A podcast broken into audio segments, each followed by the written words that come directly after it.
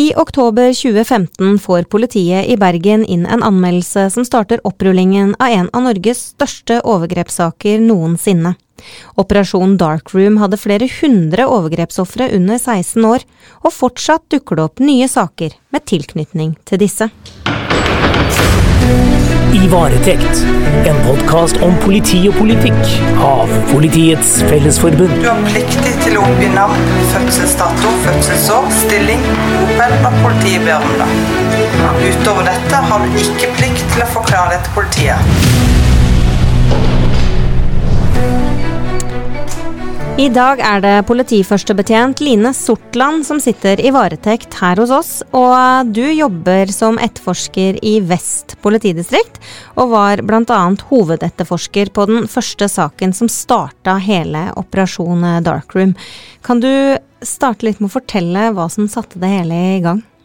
Eh, ja, det var jo at vi fikk denne anmeldelsen fra mm, en mor eh, som anmeldte en voksen mann for et overgrep som han skulle ha eh, gjort mot hennes datter. Eh, på bakgrunn av det så ble denne mannen eh, pågrepet, eh, og det ble tatt beslag. Eh, og så begynte vi å se på dette databeslaget. og det som åpna seg for oss da, var jo veldig, veldig grovt overgrepsmateriale. Eh, mye overgrepsmateriale. Eh, og mye kontaktchat med andre likesinnede, som vi kaller det da. Eh, og disse chattene de besto i deling av overgrepsmateriale mellom, mellom disse, da.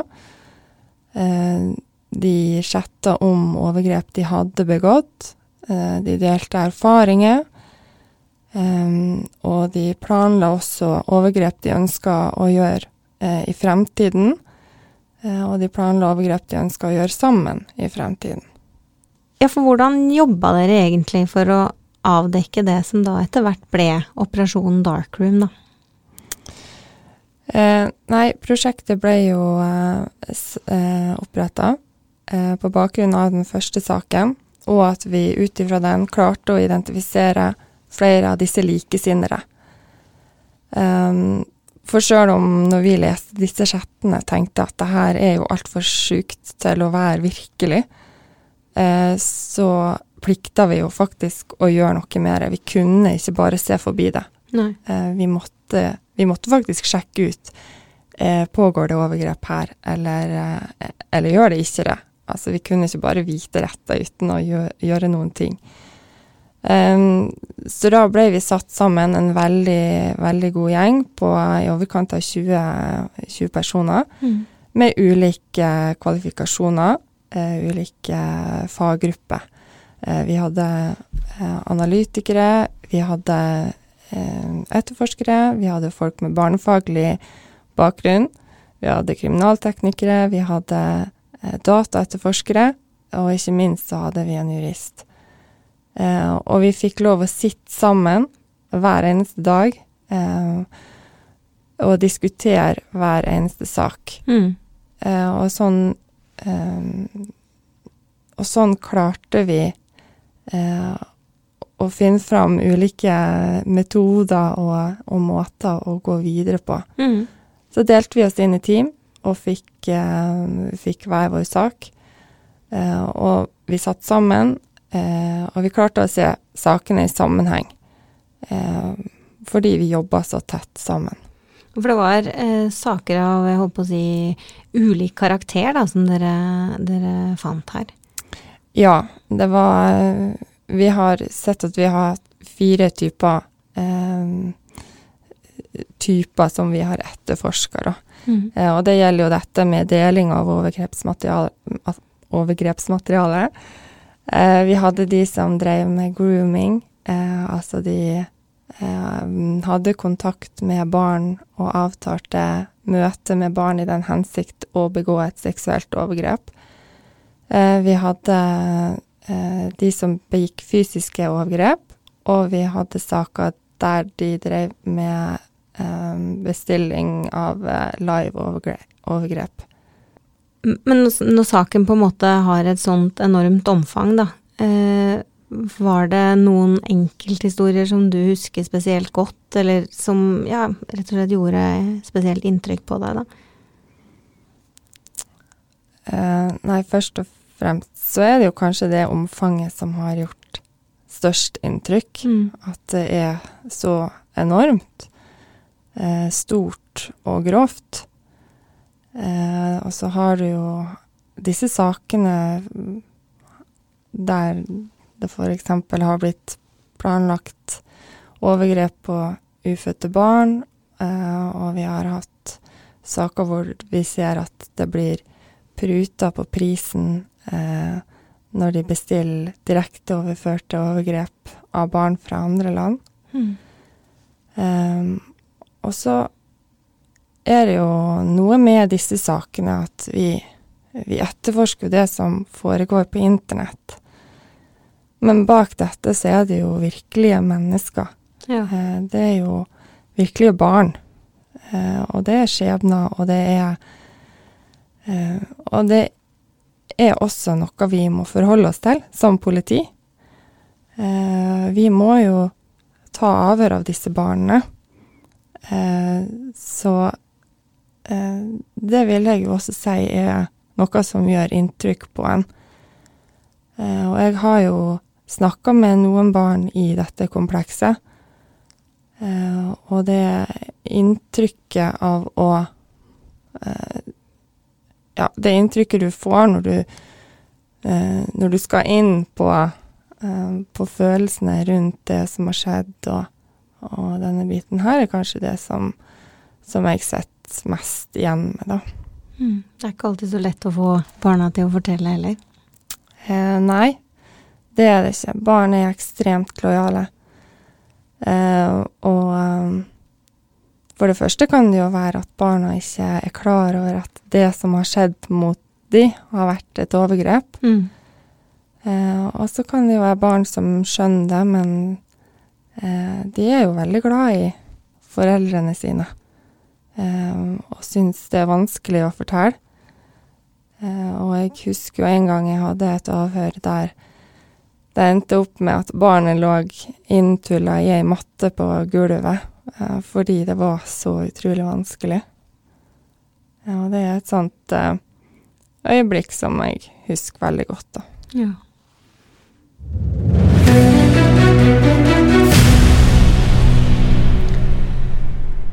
Når du forteller det her, så, så tenker jo jeg med en gang hvordan i all verden orker man å hver dag sitte og jobbe med disse sakene som er så vanvittig fæle, da? Ja. det spørsmålet får eh, vi som jobber med det her, veldig ofte. Mm. Eh, og det kan sikkert høres litt klisjé ut, men det er nå det som er, er sannheten. At vi, vi er en gjeng med idealister, og vi ønsker å gjøre en forskjell.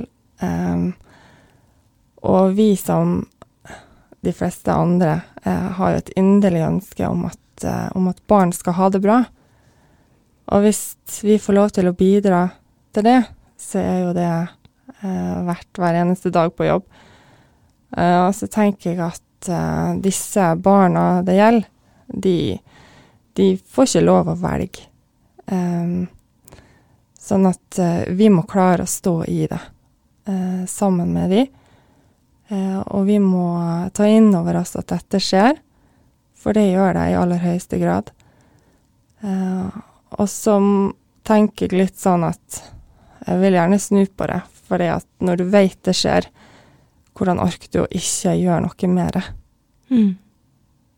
Men dere ser jo veldig mye eh, fæle ting som skjer og som blir gjort mot barn. Eh, hvordan legger man på en måte fra seg det når man går fra kontoret? Det er ikke bare å skru av PC-en, og så går man hjem, liksom. Nei. Eh, det er klart at eh, jobben påvirker deg. Du kan jo ikke si at det ikke gjør det. Mm. Eh, det tror jeg blir litt, litt for dumt. Um, men vi har nok eh, et veldig, veldig godt eh, arbeidsmiljø hos oss. Vi er veldig mange gode kollegaer. Vi har veldig mye uformell debrief eh, i form av at vi sitter sammen, eh, og vi jobber sammen i sakene. Og der er jo vi ekstremt heldige, for det vet jeg at det er veldig mange etterforskere rundt omkring i Norges land som ikke gjør. Mm. Eh, og det er ikke sikkert lederen deres heller er klar over hva de egentlig jobber med. Sånn at eh, jeg føler meg jo heldig som får lov eh, å jobbe med dette, og at jeg får lov til å jobbe sammen med de jeg jobber med. Det tror jeg gjør det enklere. Mm. Men har dere noen form for debrief, da, eh, som, som skal hjelpe dere med å ja, sortere ut det dere ser og Ja. Ja, vi har jo en pålagt eh, psykologtime i året, Mm. eh, og det bør jo være et minstekrav, tenker jeg, eh, hos alle som jobber med disse sakene. Eh, og så har vi jo et stående tilbud om eh, psykolog hvis vi ønsker det. Eh, men vi har jo også eh, HMS-dager og ja, sånn at vi, vi er ikke overlatt til oss sjøl. Mange tenker jo kanskje at eh, jobben deres består mest i å ha eh, da disse forferdelige bildene flashende foran ansiktet hele dagen. Eh, ja. eh, det kan hende at det er en del som tror det, at vi kun ser på overgrepsmateriale store deler av dagen. Eh, men eh, det er jo sånn som når du driver etterforskning, så skal du legge et puslespill. Eh, og, og, og disse bildene og filmene er en liten del av, av det vi gjør for å legge dette puslespillet. Eh, og vi gjør jo veldig mye annet også. Vi tar jo mye avhør. Eh, vi snakker med veldig mye folk. Eh, det er jo kriminaltekniske undersøkelser. Det er jo opp mot analyse og setting i, i en kontekst og system. Altså, og så er det jo dette med at vi leser veldig mye chat. I varetekt.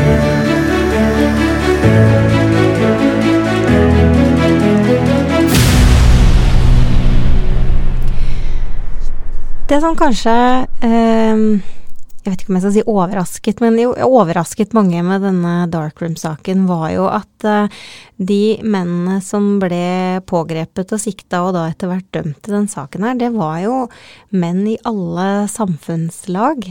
Hva sier det egentlig om uh, slike saker? Jeg tror for oss som driver med etterforskning av sånne saker, så er ikke det noe nytt. Um, det som jeg tenker er bra eh, med eh, at Darkroom eh, som prosjekt og disse sakene kom ut, var at det ble en mer bevissthet rundt akkurat det hos blant folk eh, flest også. Um,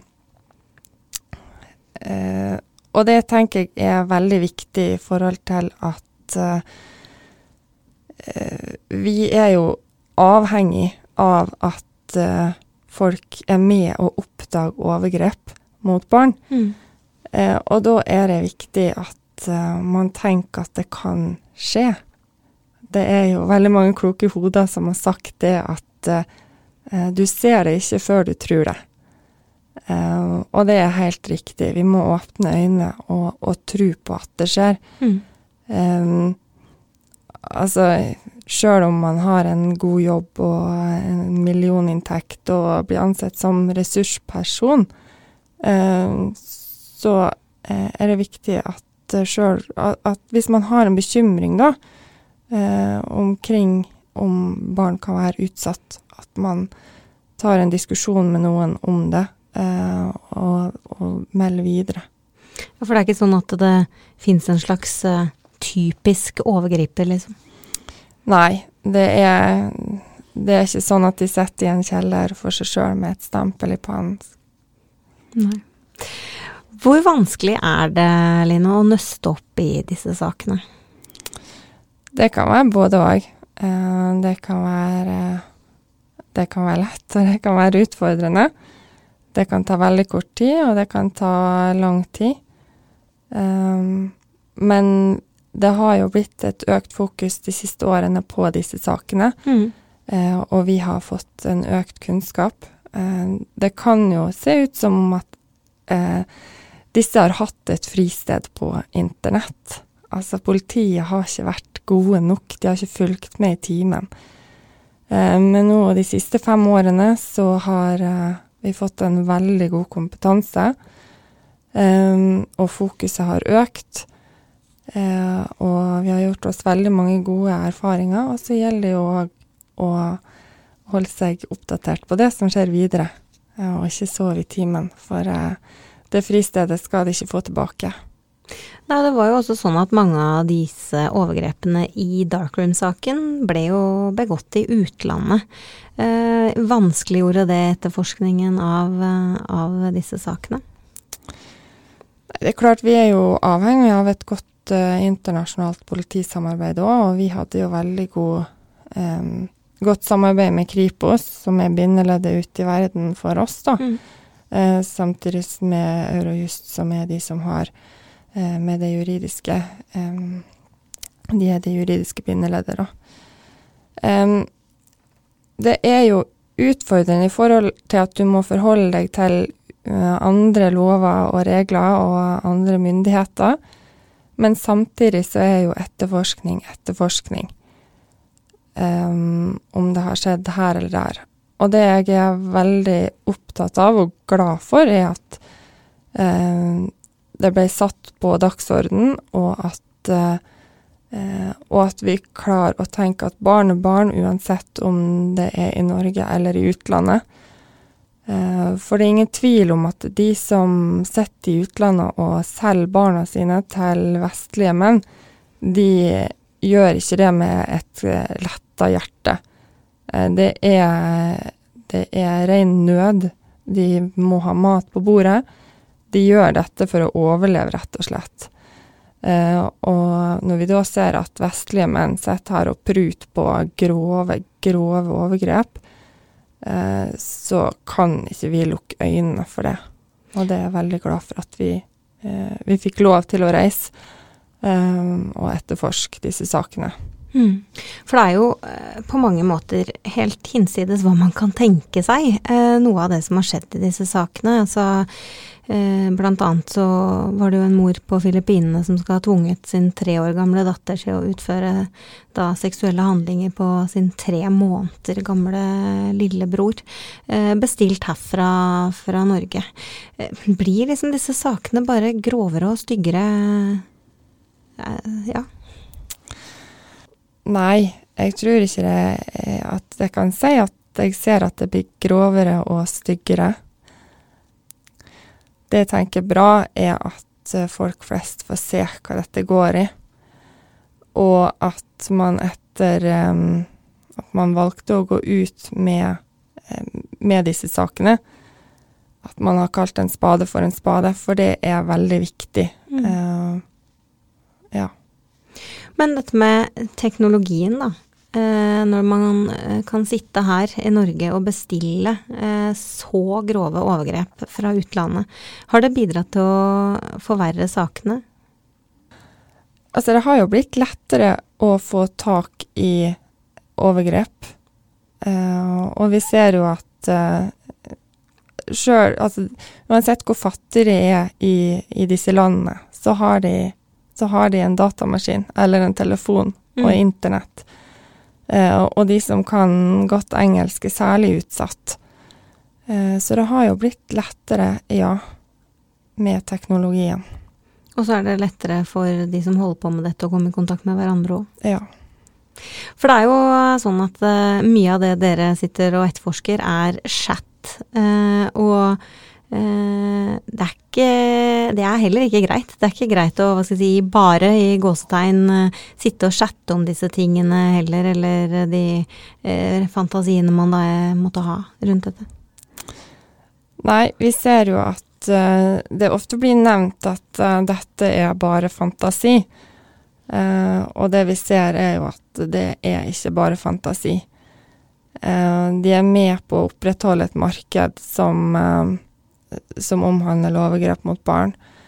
Eh, og vi ser jo også i de sakene, flere av de sakene vi har hatt og etterforska, der ser vi jo at enkelte er dømt for medvirkning til overgrep i andre sine saker der de har begått fysiske overgrep, fordi de har oppfordra og fordi de har eh, skrevet hva, hva den andre skal gjøre, da. Mm. Og så er det jo sånn at eh, barn og unge er jo også på internett. Eh, er det noen tips eller råd som foreldre eller andre voksenpersoner der ute bør eh, ha, da, for å kunne bidra til at eh, barn og unge ikke blir utnytta på det groveste på nett? Eh, ja, eh, for det første bør man jo sette seg inn i hva barna gjør på internett. Eh, de har jo aldersgrense på de fleste applikasjonene. Det bør man forholde seg til. Barn er ikke kognitivt utvikla når de er 13 år. Eh, sånn at eh, foreldre trenger å følge med. Eh, og så er det kjempeviktig for foreldre å snakke med barn eh, om, eh, om overgrep. Hva er lov, og hva er ikke lov. Nå er det jo sånn at vi eh, Vi vet jo at det i snitt tar 17 år før noen melder ifra om et seksuelt overgrep. Eh, og en av hovedgrunnene til det er jo at, eh, at de er redd for å ikke bli trudd. Eh, og det eh, tenker jo er legitimt, i og med at jeg sjøl har sittet og lest veldig mye chat og tenkt at det her er faktisk ikke mulig. Eh, og det at mange blir veldig overraska over at det skjer i alle samfunnslag. Mm. Eh, det er klart det er vanskelig å fortelle om det, da. Og en annen hovedgrunn er jo at barn ikke er klar over hva de blir utsatt for. At det ikke er lov. Eh, vi hadde jo den boka fra Forandringsfabrikken som nettopp kom, der det var ei jente som var 15 år og utsatt for overgrep. Men hun visste ikke at hun var utsatt for overgrep, og da var hun 15 år. Eh, og da tenker jeg at vi som voksenpersoner har feila. Eh, vi må tørre å prate med barn eh, om hva som er lov og ikke lov. Vi lærer de veldig tidlig at det ikke er lov å slå, Mm.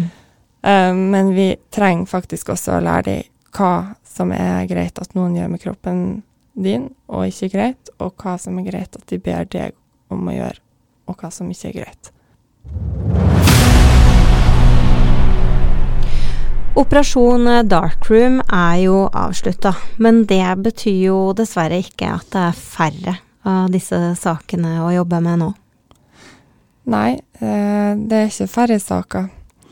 Det kommer fortsatt inn saker, eh, vi, men vi jobber fortsatt med de, eh, og det er jo ikke lenge siden vi klarte å identifisere en ny mistenkt som vi har hatt på blokka siden 2016.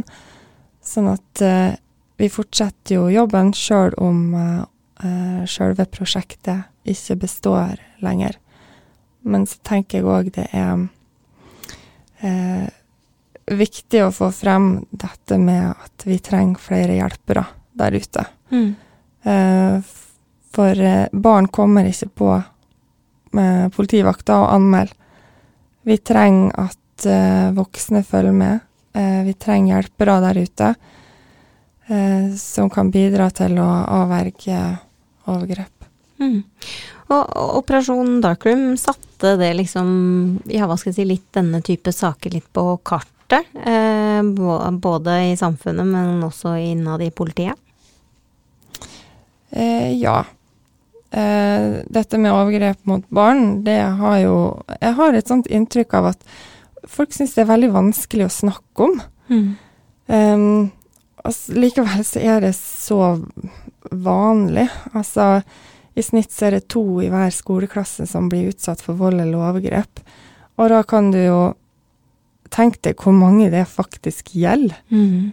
Uh, vi er nødt til å sette det på dagsordenen, og vi må aldri stoppe å snakke om det. Uh, for det skjer, uh, og, og vi, vi må være flinkere til å forebygge. Eh, og det, det er tilbake til det jeg sa i stad, at det tar 17 år før de forteller om overgrep. Eh, vi, vi må komme inn tidligere, eh, når vi vet at eh, de to første døgnene etter et overgrep, det er der vi har de tidskritiske bevisene. Ehm, Og da kan du tenke deg til hvilken utfordring det er når du får denne saken etter 17 år. Mm. Vi gir oss jo ikke. Eh, vi skal jo fortsette å jobbe med det, det er jo ikke det. Men det, det gjør det ekstra utfordrende. Mm. Ut fra det omfanget dere ser da, eh, i denne type saker, kan vi klare å stoppe det helt? Um, det, det tror jeg jo ikke at vi klarer. Um, men det vi fikk lov til i Darkroom, var jo å grave og grave og grave. Uh, og vi fant veldig, veldig masse som jeg ikke tror hadde kommet til politiet. Uh, I hvert fall ikke på mange, mange år. Mm. Uh, og så tenker jeg at vi må ikke stoppe med denne gravejobben, og det gjør vi jo heller ikke. Fordi om Darkroom ikke eksisterer lenger, så har vi implementert eh, måten å arbeide på. Eh, sånn at vi, vi, skal jo ikke stoppe, men det er jo bare toppen av et isfjell, og det ser vi, for det er et enormt omfang. Eh, men vi må fortsette denne gravejobben, og da, det eneste da vi klarer å stanse pågående overgrep, avverge nye overgrep, Eh, og identifisere eh, ofre og gjerningspersoner. Mm, og redde disse barna. Ja. Mm.